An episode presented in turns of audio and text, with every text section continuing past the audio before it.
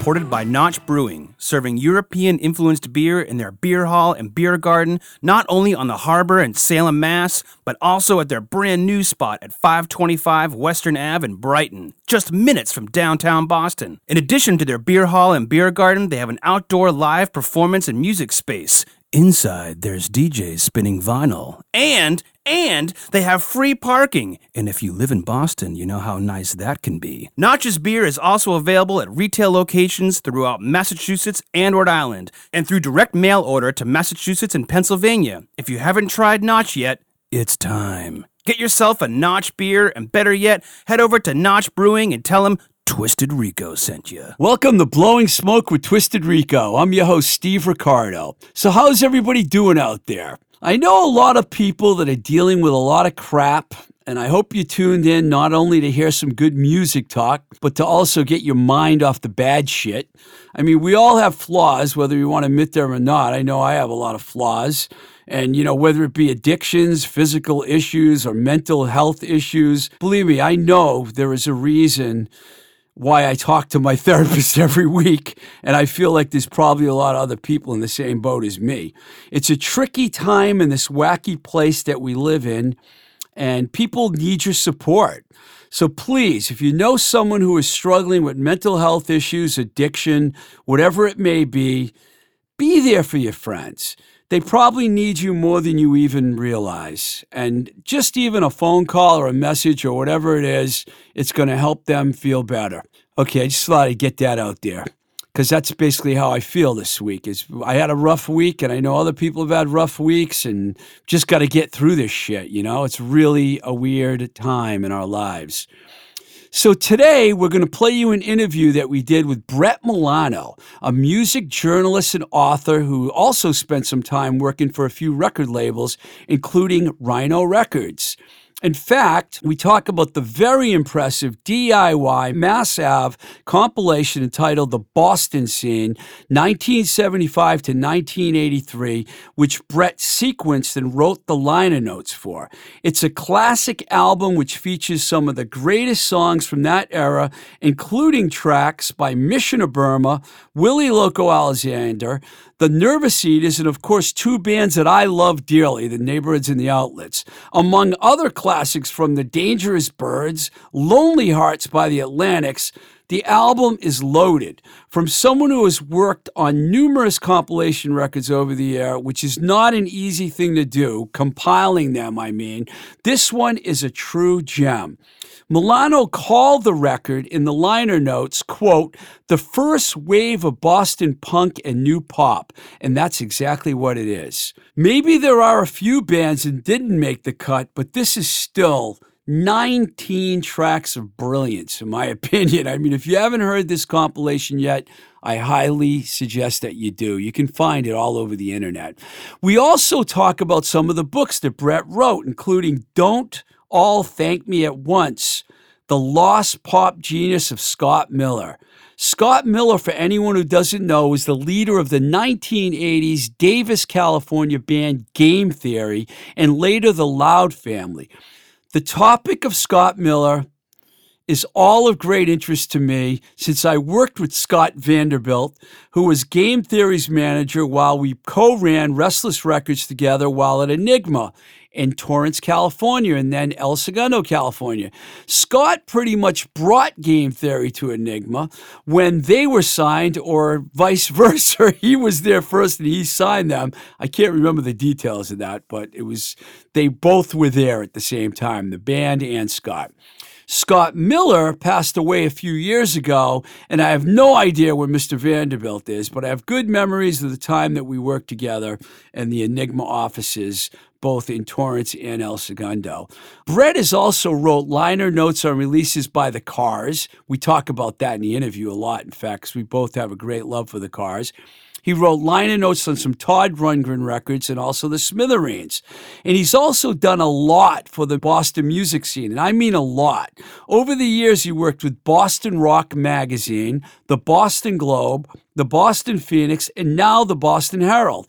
And of course, he also authored the book The Sound of Our Town, which is a history of Boston rock and roll.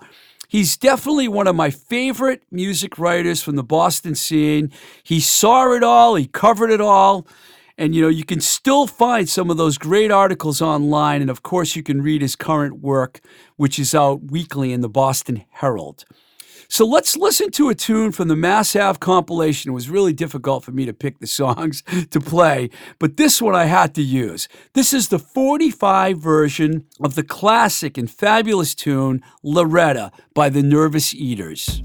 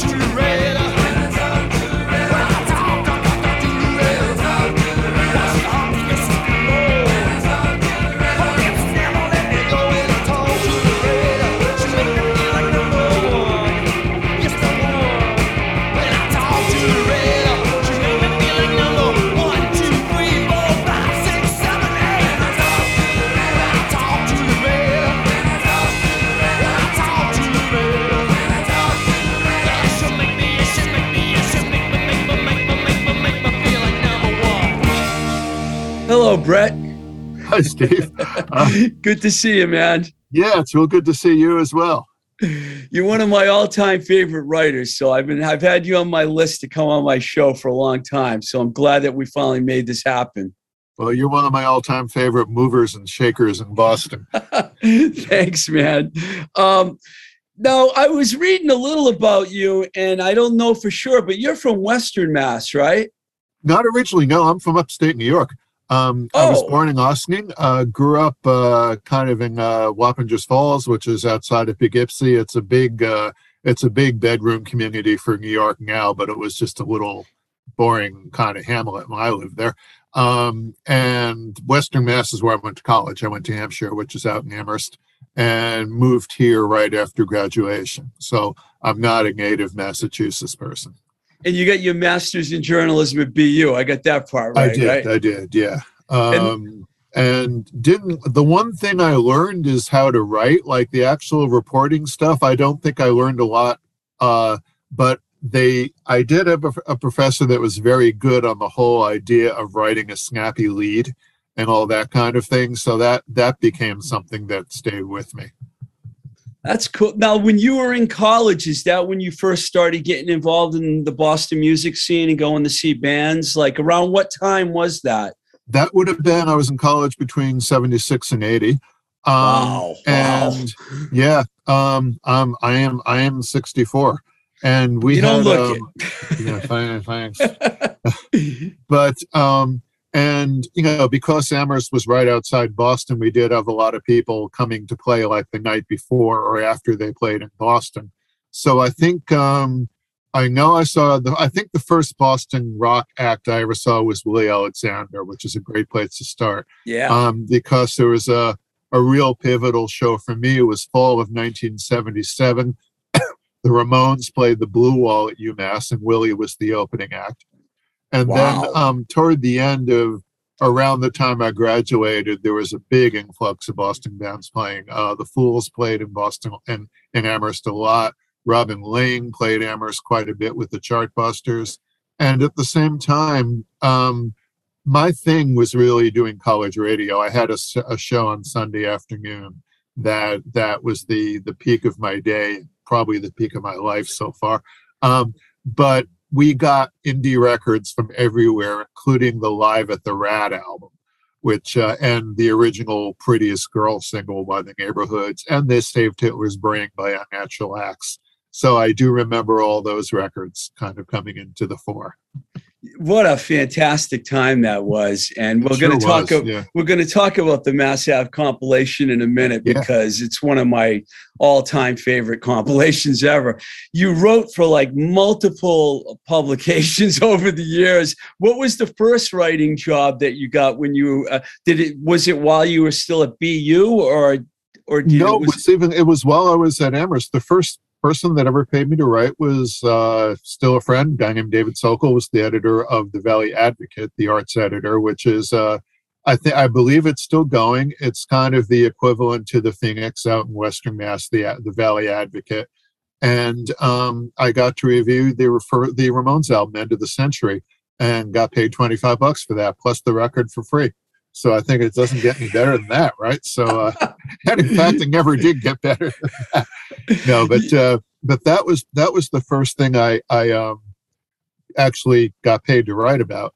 And when I came to Boston, I guess I had enough of um, confidence at that time to call everybody. Um, I got into Boston Rock magazine uh, via Greg Reibman, who was editing it at the time. Um, he used me a lot and I got into the Globe via Steve Morse because I pestered him quite a bit, and he uh, started letting me write record reviews because at that time um, there was there was so much. This is there was so much more space in local media for arts and music of every kind of arts coverage. You know, compared to there is what there is now, there was five or six times more easily. Um, and every concert in the world was being reviewed. So I reviewed records for about a year just in that little calendar section that was a weekly thing. And then one night there was a show that needed to be covered and nobody else was available. So I, I got, I was probably the fifth or sixth person online to get asked to do it, but I did it. And from then on, I was, I was able to do more. Do you remember what show that was? Oh yeah, it, vividly, Supertramp uh, at the Worcester Centrum. And I had to, uh, and it was the first tour uh, no, it was the last tour with Roger Hodgson in the band. So they, uh, they, uh, but um, yeah, and I remember like staying up literally all night just writing multiple drafts of this review. So, uh, so it was pretty impressed on my brain. Yeah, that whole uh, so that the the era that you started in, I mean, things are obviously never going to be that good again. I mean, we went through yeah, like a never, you know, and, and you know, I know I know that you got involved later on with Rhino Records, and you ended up. Um, besides the Mass Ave compilation, you, if I'm not mistaken, you did liner notes for the Cars box set also. Yeah, yeah. Um, Rhino was a real nice place to work at that time. Um, and there, the at that time, the guy that was the music honcho at Rhino, who is sadly no longer with us, a guy named Gary Stewart, yeah. who's a huge music fan and you know lived and breathed it, and was basically the guy responsible for everything cool you can name that ever came out on Rhino. Um, was pretty friendly toward getting people involved that really, really wanted to be involved. And I was one of those. I was I was there as a publicist. I was doing publicity, but I said, you know, hey, I'm a writer. I just killed to do some liner notes of something. So he um, used me on the occasional project to do liner notes, um, uh, stuff that they knew I was really into. Like I did two or three that involved Todd Rundgren. Um, Todd, yeah got to actually compile uh, a, a CD of Todd Rundgren Productions, uh, which came out under the title an LP's worth of production. So I got to do that. And I was pretty, at that point, when I left Boston, which was 1990, it was really still peak seeing era. And everyone knew I was pretty homesick for Boston. And they were doing this DIY series, which had a lot of um, a lot of great great volumes in it. You know, if if you know this series, there were pop compilations and punk and and a couple local. There was a there was a New York one, there was an LA one, and they they let me do a Boston one, um, which was just kind of it was basically something Gary decided to do. You know, he figured they could sell it would sell okay, and he figured it would be a really nice thing to let me do it. I guess so. Uh, so I did it. And that became my my great great labor of love project. I had the honor of meeting Gary Stewart on many occasions, and I was really upset when I heard about his passing. He's a really cool guy and really loved music. You know, being in the music business for a long time, like I was, not everyone was always a big music fan. Very Gary true. was a big music fan. And, and everybody know, that was music fans, you know, liked each other because it was a pretty secret society. Right. So the the the Mass Ave compilation, I have a copy of it in my hand here. Yeah. It's one of the greatest compilations ever. When I re- I remember when I first moved to LA at the end of 83 and I started working for Enigma Records, people didn't really, really like Boston bands there. They thought Boston was like an inside joke. Like no one really cared about the liars and the real kids and the neighbor. I ended up getting the neighborhoods and the outlets signed to Enigma, but believe me, I had to pull a lot of teeth. How yeah. in the world did you get Gary to let you do this compilation? Was it because it was after the because it was in the 90s at this time. Yeah did they finally gain an appreciation you think? Well i think i think gary was probably a bit sharper than those people at enigma that didn't that didn't think much of the boston bands. I mean you know gary uh, gary certainly knew about uh you know so, some some of the obvious ones mission of burma the neighborhoods the liars i mean and the real kids. I mean i think those at least you can you can say are we're our world class bands even if nobody's going to you know accept the rest of it you know those bands yeah. Um and at, at that time there was a pretty good um you know there was there was a pretty good boston presence beginning to happen. I mean the pixies were certainly happening by then. Mm-hmm. and uh lemonhead lemonhead's not yeah. Lemonhead's not yet. I mean there was uh it was a couple years away when like the Lemonheads and Buffalo Tom would actually have commercial success. But I think you know people people that were in the know like at least knew of the A list of Boston bands. Uh, I know, and I, I did pretty much go for the A list on that uh, CD. You know, I didn't did. put on it on it. You know, well, you put the Dangerous Birds on it. They're like one of my favorite Boston bands ever. That more people know Thalia from you know Live Skull yeah. and Come than they do about the Dangerous Dangerous Birds. And you mean I can't argue with this because you have the Outlets and the Neighborhoods, two of my favorite bands, plus La Peste. A La Peste is a band that if people knew more about, wow, they could have been like an enormous band. I thought. Yeah, well, even just think of like the songs that that you just think of as being quintessential Boston songs. Even then, I mean, I if you, you don't have to know the rest of La Peste, but Better Off Dead is like yeah. one one of those songs. You know, it's not perfect. That saying, you know, I, I think you know, I think the Fools should have had a track on it. And, and you know, it's a night for beautiful girls. I think might have been a good, a good choice to put on there. But uh, but you know, I I had I think there's 19 tracks on it, which is one more than there is in anything else in that series. 18 is the cutoff. Did you sequence this? Sequ- do the sequence too? Um, yeah, I think I think other people at Rhino w- o- okayed it, but I pretty much did the sequence. It's roughly chronological, not completely chronological. Um, people at Rhino like really paid a lot of attention to sequencing. I mean, they they uh, they gave thought about what key a song was in, I don't know anything about that. I pay no attention. to that. I just like I just went from the, the college radio thing. What's going to sound good coming right after this?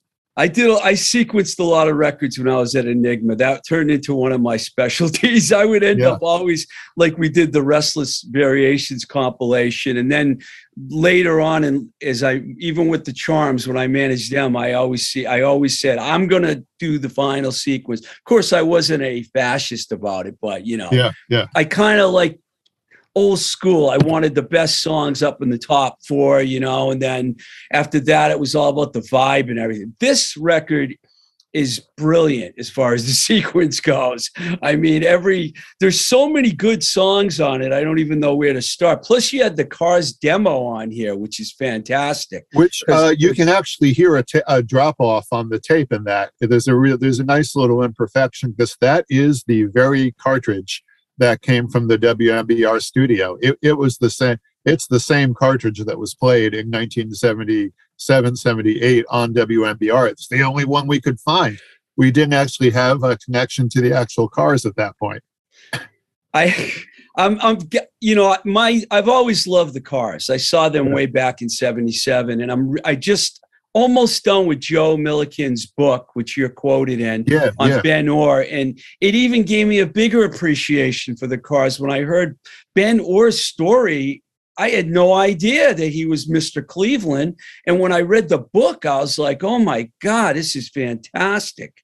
I yeah, mean, they were they were they were great, and you know, I I think everybody had a real emotional connection with the cars because the of you know the songs that and you know everybody had a crush on somebody that the soundtrack was a Cars song. That's just the kind of the kind of songs they wrote. They were just songs that were so relatable and and so good and then you know the Nervous Eaters, you know they were a band that probably should have been bigger. The Loretta, the album that that was on, uh, you know the name of the Yellow album. Yeah. Um, it was a real disappointment. You know, I mean, well, that that is not the Yellow album version that's on Mass Ave. You know, oh, what, I, I know.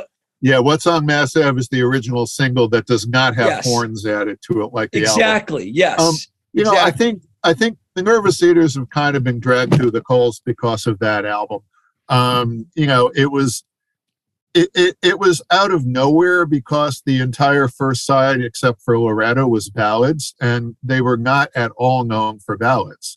Um, and I don't think it was strictly a selling out thing. I think like Steve Cataldo just wanted to show what he could do, and I think he said, uh, saw himself more as a songwriter. But they wound up making this record that didn't sound like the Nervous Eaters, but um, kind of the, I think the kind of other side to that is that Willie Alexander and the Boom Boom Band made exactly the record they should have made. It was exactly like what they sounded like. It was a great record, and that went nowhere either. So some people didn't, you know, some some indie record, some like underground punk whatever records just didn't make it no matter how good they were at that yeah time. a lot of those bands had bad luck they never mc uh uh, DMZ and the neighborhoods, all these bands that got out of the box really hot, they just didn't translate. It was sad, yeah, we, you know. It, except for the cars in Boston, you know, we didn't have we didn't have a hit for a bunch of years, and then we had quite a few finally.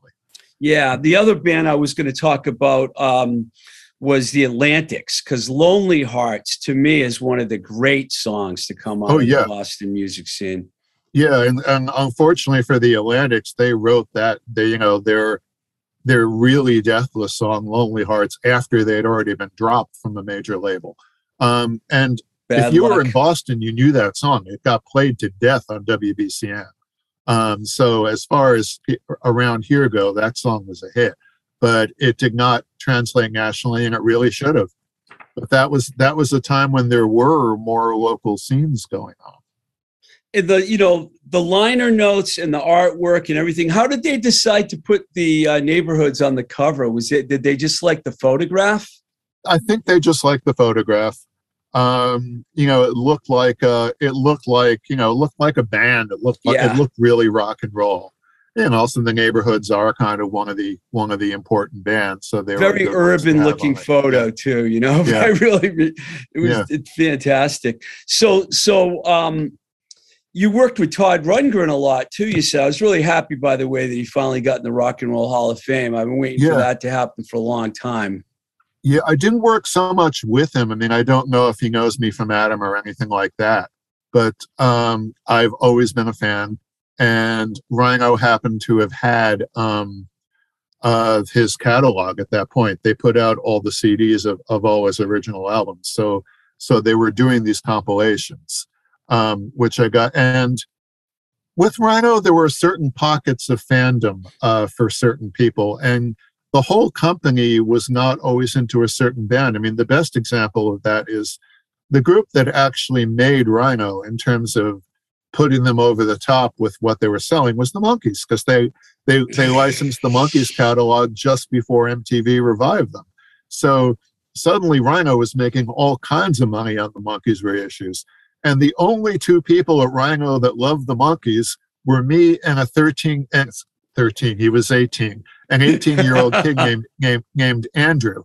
And Andrew was uh, the deputy of the remastering guy, Bill Inglot. Andrew would always he he was so interested in the Monkees that he was going into the going into the files and pulling out obscure tracks that had never been released. And he was making me cassettes of these tracks because he knew I was a fan and we became friends. You know, fast forward, fast forward to 2021, Andrew's the Monkees' manager now. wow, really? Yeah. That's Yeah, and he- amazing. and- and he is and he is known as like the world's he just put out a book it's a, a massive book on the Monkees history and he's not only their manager but kind of the world's foremost authority on the Monkees One of my So- friends just told me he saw Mickey and uh, uh, Mike, they're the only ones left, at Yeah, uh, Foxwoods. Oh and I, I saw i saw them at uh uh medford the chevalier oh, really? Probably the night after foxwoods i guess it was yeah How was it? It was great yeah it's, it's really good to see them yeah, it's the last time we'll ever see those guys I never got to see Yeah. the Monkees, unfortunately. Yeah. So um, I I found this book. You know, someone gave it to me a long time ago. The Boston Rock Trivia book that you and Clea yeah Simon did together. Yeah I've had this book forever because I remember someone gave it to me when it came out. And uh, you could do an updated version of this now, and like you know, add a we lot. could to we could because nearly everything in there is way out of date at this point yeah, I mean, this is fantastic, though. And you've had a bunch of books since then. You've had a pretty good career as an author. Yeah. yeah Well, let me, let me tell you about that and there's um Clea Clea and i have been friends for, for God, I, don't, I don't know. We became friends in the 80s so um I always at that- imagined that, you guys went to journalism school together, and you're we're in the same journalism class yeah, or no, something. know? she, i don't i don't think she went to journalism. She i know she i know she went to harvard. I don't know i'm not even sure what she studied.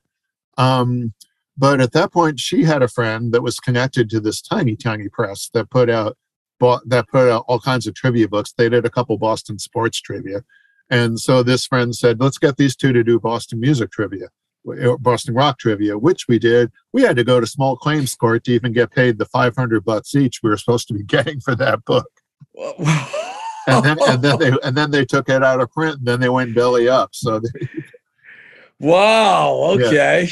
But well, there, it's there- there is my favorite thing in that book there's a picture of of me and clea doing laundry at the uh and and it says what's the significance of this picture and it's because it's in the laundry room that had been the underground wow. the underground the underground being a club in Allston that maybe some people watching this will remember Yeah, we're Yeah. going way back there.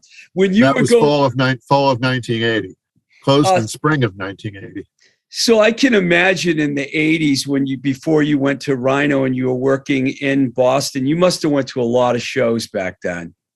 Well, considering I lived on Kelton Street in Allston, and considering how long it takes to walk to Bunratty's from Kelton Street, maybe seven minutes, um, you know, depending on whether you stopped at, you know, Pizzeria Uno on the way or not.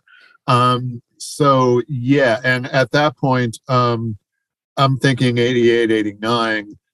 Everybody played at Bunratty's the night after they played the Rats. So, yeah, I didn't have to go very far So and you, also um writing for the globe i mean if you if you are uh, a terminal music fan like myself um when i was writing for the globe i was able to get into almost anything i wanted to see and that was all i wanted in life really so uh so i was not going to waste it you had a long run with the Boston Phoenix too. You wrote for them for Yeah, years. yeah i wrote for them for a number of years um well the the trajectory is you know i wrote for the globe until i went to la came back from la wrote for the phoenix during most of the 90s until until they ended you were you and now came I'm back. writing for the now I'm writing for the Herald.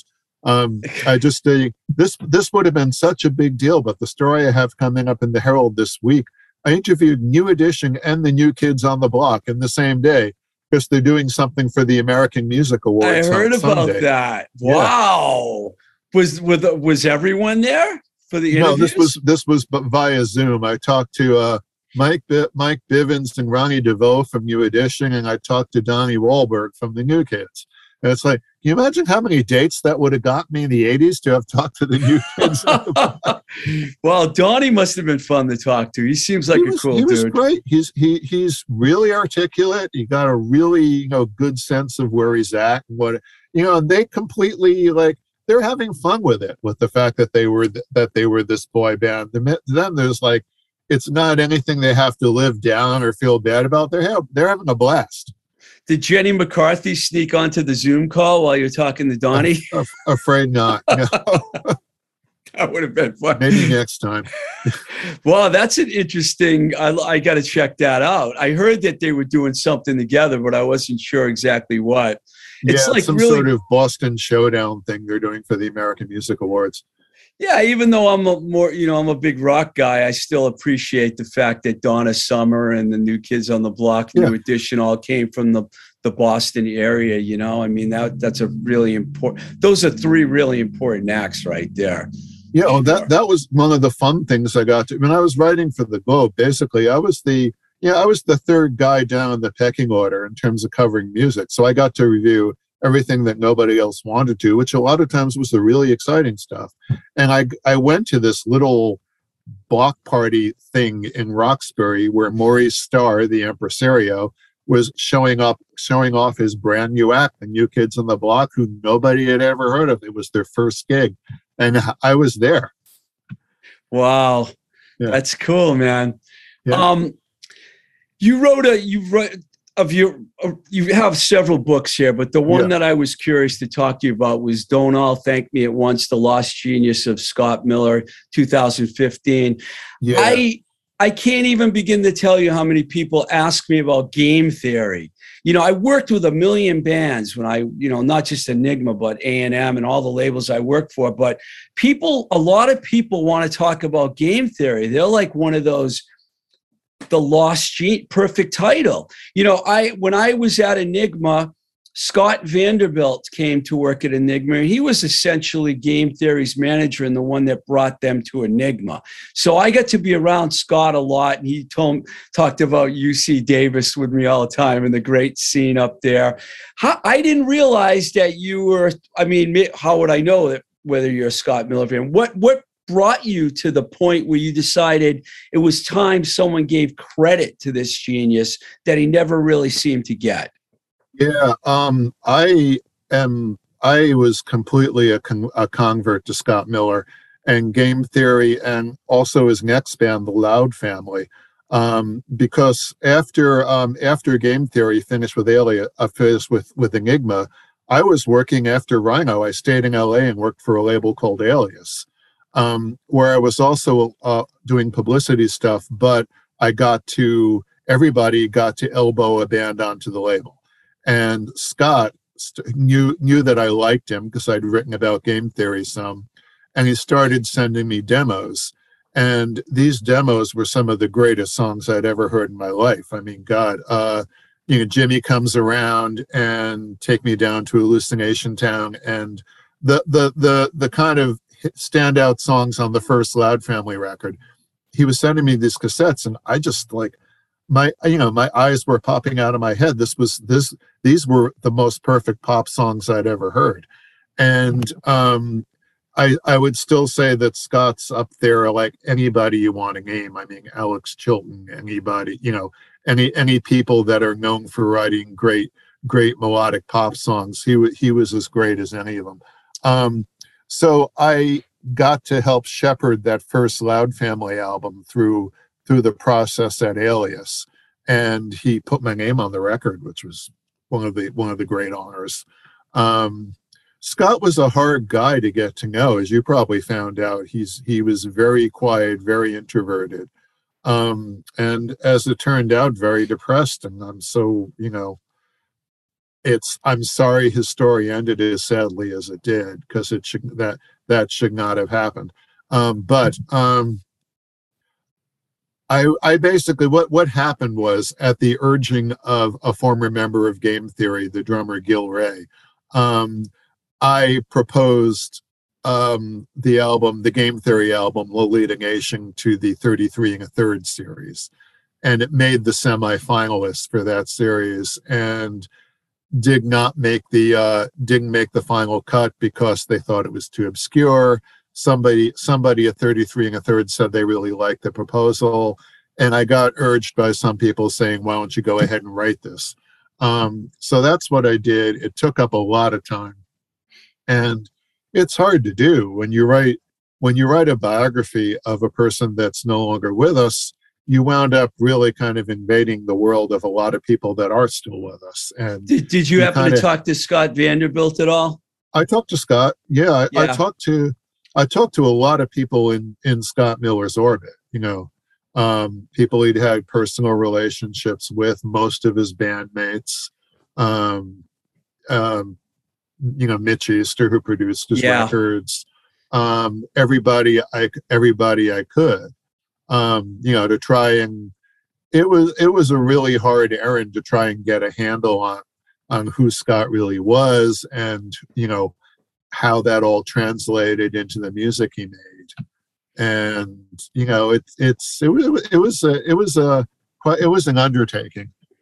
Yeah, the, the real nighttime record to me is one of the great pop, you know, like indie pop records, I guess you would say, ever made. I mean, I thought that record was just brilliant. it's 20, wonderful. 24 and all those tracks were just so oh good. god yeah and then Lolita Nation the Yeah. uh, the double the double album they made for Enigma Yeah. or, you know, a little later on. That was kind of, you know, let's put all these incredible pop songs, but let's also like, let's also pursue this kind of weird abstract stuff and somehow make it work together with the pop songs. You know, it's, it's, there are, there are no records like that. And people, uh, if people are, go- if people are going to hear one record, I'd say the Lolita Nation is the one, but uh, Interesting. Interesting.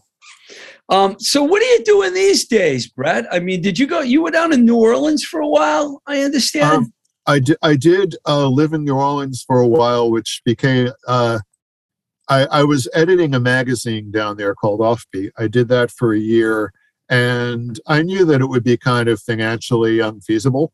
Uh, in other words, I in other words, I lost money. But I say, you know, but I said, hey, I get to live in New Orleans for a year, and it'll kind of pay for itself. So let's do that. Um, and um, but you know i still love that city um i Mhm. would live i would live there some more if i could um but i go down to visit i i was down there two weeks ago or no, no like four weeks ago now um because they they've they've still got some incredible music um what i'm doing now is you know living the busy freelance life i mean i'm still i got a weekly column in the herald the main thing keeping me afloat is harvard and that's got nothing to do with music or or even arts. I'm I'm I'm a a, a regular writer for Harvard Law Today. Um, oh, which- really? I didn't know yeah. that. Wow, that's cool. Yeah, which requires me to kind of you know get get a working knowledge of some of of some legal stuff just in order to um, explain. You know what what I basically do is I absorb a lot of a lot of legal you know discussions and, and and symposia and that kind of thing and write about them for a general audience and so that involves a lot of knowing what i'm talking about but but it's it's it's it's solid stuff that i get to do as a writer and it's gotten me to be present in things like oh there was a um, an event at Sanders Theater a couple of years ago where six Supreme Court judges were under the same roof at the same time and I got to be present at that, which was kind of fun. Wow, that's pretty Yeah. cool. It's Yeah. pretty cool. I just got a couple more things for you. Um, um, this is a this will be a difficult question for you, but I have to ask you because you're a big Boston rock fan like I am. If you had to pick, I won't say one. If you had to pick like two of your all-time favorite records ever to come out of the Boston scene, what what would what would be near the top of that list or at the top of the list? Oh, favorite records. Well, um, have to be have to be something by the Liars because they're probably my all time favorite. The Liars Boston, are. Boston, okay. Boston band. Yeah, I think uh, you know, they on a good night they just get to the primal core of what rock and roll is all about. I think as well as any band I've ever seen.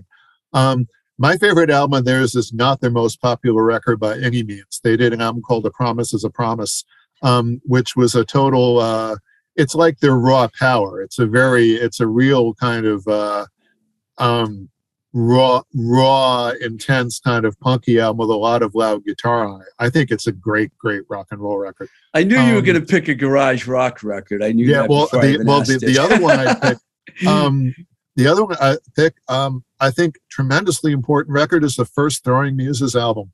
Um, oh yeah, yeah that was you know ama- amazing record very visionary in terms of the way it kind of upended the whole structural thing with songs the way it was like really kind of kind of you did not know what they were talking about but you could feel what they were talking about. And everybody on that record was under 20 which which was you know unheard of even here. There were there was nobody that good that young just yet. Um, you know, even before hardcore, or even most of the hardcore bands were over 20. So, um, right. so, and I still think Kristin Hersh is one of, and, and Tanya. Donelly both are, are two of the best writer or talented people to ever come out of Boston. yeah, Hips and um, Makers uh, Kristin solo records, one of my all-time favorite records. Great record. I mean, I prefer her when she's loud, but, uh, but I'll Yeah. listen, I'll listen to, I'll listen to the quiet stuff as well. Um, and for a Mission of Burma record, um, I wouldn't pick Verses. I'd pick their second reunion album, which was the Obliterati. Um, Whoa, that- that's a that- surprise. that's what listen to it there's certain songs on that record um, that are the best ones they ever wound up writing I also wanted to ask you about current music. If there's any current bands that or artists that you're listening to, like, do you have Olivia Rodrigo on your turntable? I mean, what, what exactly are you listening to these days? I know you got to be up on new music. Uh, n- not as not as much as i'd like to be but i'm kind of i'm following a lot of what comes out on on rum bar and red on red because those two labels tend to put out nothing but records i wind up enjoying Oh, so you like the Boston bands? Yeah. yeah, mostly. Yeah, that's cool. Wow. Yeah, I like Lou. Lou. Lou was. Lou, both of them were on my show, Lou and Justine. So I feel Yeah. the same way as you do. Yeah, I- I think th- those those guys are true believers, and I think they're you know, Boston's always depended on people that are willing to kind of lose their shirts putting records. I think you and I both have some experience in that. You in, know- in, ter- in terms of in terms of new artists that are not from Boston, Yeah. um, Big Thief, if if you know them, Big Thief. yeah, they're kind of like. uh they're they're they're kind of like a cross between throwing muses and crazy horse like they they, they have like Wow. they have this this very very interesting very angular songwriter up front and um and yet the band is kind of they have this kind of classic americana garage you know kind of a rough edge guitar thing happening underneath it um you know they're they're not they're not so new anymore but i think probably the best band on the planet is guided by voices You're always you're very eclectic. you have a lot of Yeah. different tastes. I appreciate that. Hey man, thanks a lot for taking the time to talk to me, man. I really appreciate it, Brett. always a ple- always a pleasure All yeah. right, man. I'll talk to you soon. okay bye bye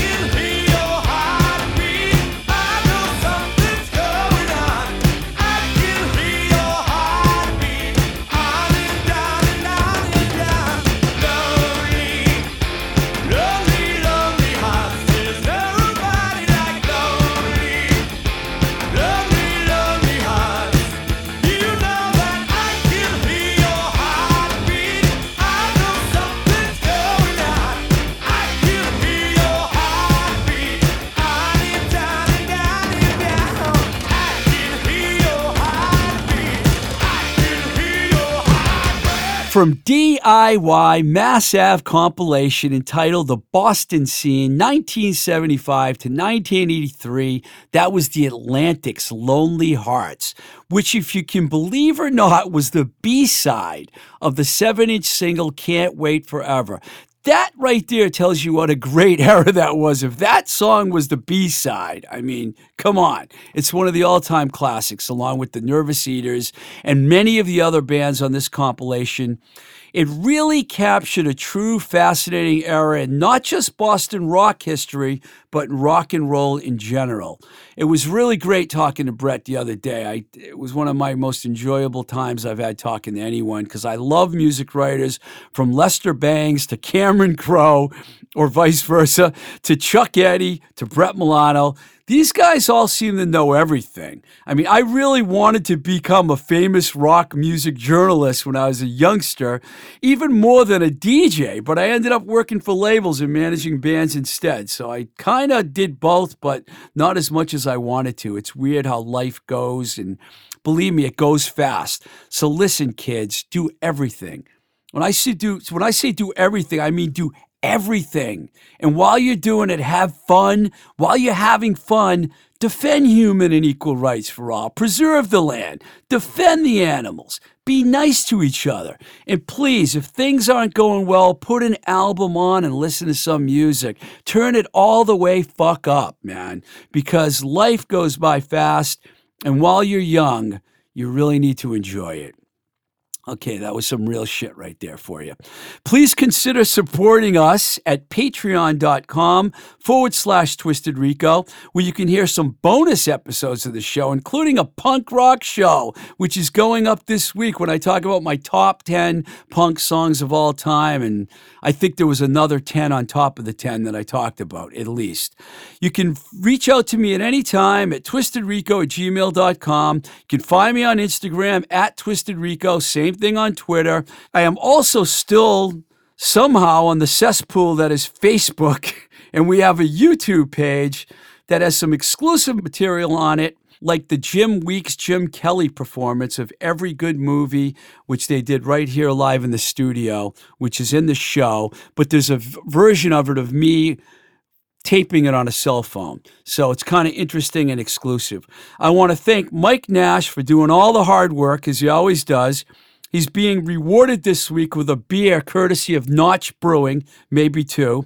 I have a feeling there'll be more of where that came from, like every week. So till the next time we say goodbye, head down to Notch Beer and have a beer. this is Blowing Smoke with Twisted Rico. Keep the rock and roll alive.